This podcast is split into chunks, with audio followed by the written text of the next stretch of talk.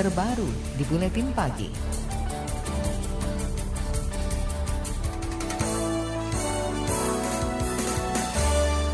Pimpinan Komisi Pemberantasan Korupsi atau KPK tetap menandatangani surat perintah penyidikan atau sprindik meski saat ini pimpinan KPK tidak berstatus penegak hukum pasca berlakunya Undang-Undang Anti Rasuah yang baru. Sprindik ini menandakan dimulainya tugas penyidik untuk mengumpulkan bukti permulaan yang cukup untuk menetapkan seseorang menjadi tersangka. Komisioner KPK Alexander Marwata menjelaskan, dalam kasus pertama OTT KPK di masa komisioner baru yang menyasar Bupati Sidoarjo Saiful Ilah Sprindik kasus ini ditandatangani pimpinan KPK periode sebelumnya. Itu lantaran pengusutan kasus ini dilakukan sejak setahun lalu. Sprindik, sprindiknya seperti saya sampaikan tadi sudah lama. Kemudian apakah sprindapnya juga izin dewas? Jadi kalau pimpinan sebelumnya itu tanda tangan di tanggal 15 Desember, artinya sprindap itu sampai dengan sekarang juga masih berlaku.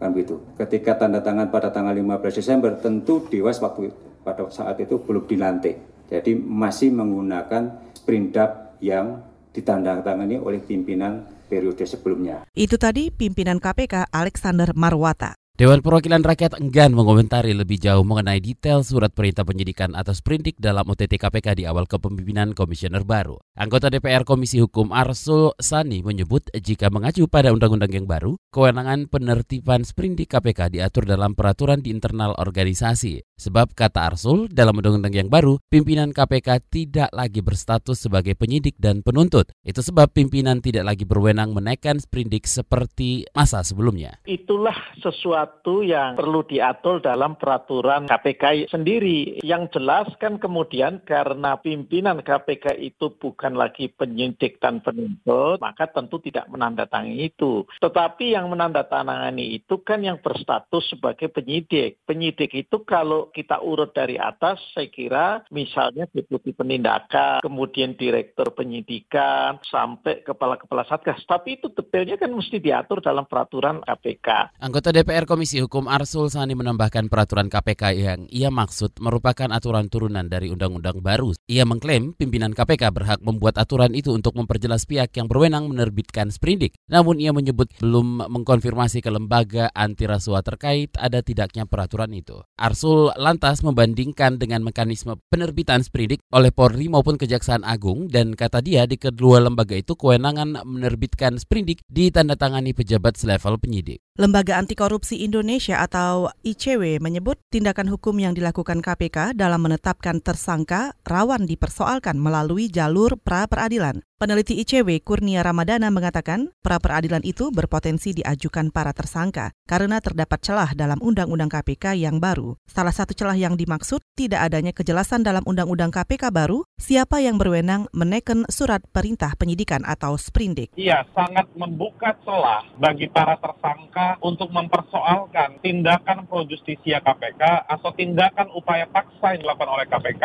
dengan melandaskan pada Undang-Undang Nomor 19 Tahun 2019 perubahan kedua Undang-Undang KPK. Tadi otoritas penerbitan sprindik oleh siapa? Pertama. Yang kedua persoalan tindakan upaya paksa yang harus melalui izin dari Dewan Pengawas. Peneliti ICW Kurnia Ramadana juga menambahkan dalam Undang-Undang KPK baru mencantumkan Komisi Pemberantasan Korupsi bertugas melakukan penyelidikan, penyidikan, dan penuntutan terhadap tindak pidana korupsi. Sementara tugas KPK sebagai penyidik dan penuntut umum yang tertulis pada aturan itu, menurut Kurnia, hanya berlaku bagi pejabat KPK bidang penindakan. Saudara penandatanganan sprindik oleh pimpinan KPK berpotensi memunculkan gugatan pra-peradilan dari tersangka. Bahkan potensi ini akan melebar hingga penerbitan surat penghentian pendidikan perkara atau SP3. Pakar hukum pidana Abdul Fikar Hajar menyebut pada periode pimpinan sebelumnya, penandatanganan sprindik oleh pimpinan dapat dilakukan karena undang-undang sebelumnya menyebut bahwa komisioner merupakan penegak hukum yang berwenang melakukan penindakan. Yang penegak hukumnya itu penyidik dan penuntut. Paling-paling nanti salah satu penyidik penyidik atau penuntut itu menjadi direktur penyidikan, direktur penuntutan, atau kemudian di atasnya ada deputi penindakan. Ya, nah kalau deputi penindakan itu berasal dari penuntut atau penyidik, ya berarti dia penegak hukum kan begitu. Selanjutnya pakar hukum pidana Abdul Fikar Hajar mengatakan terkait status wewenang Komisioner KPK saat ini hanya pimpinan administratif. Tak hanya komisioner, Fikar menyebut bahwa penandatanganan sprindik juga tak dapat dilakukan oleh Dewan Pengawas KPK.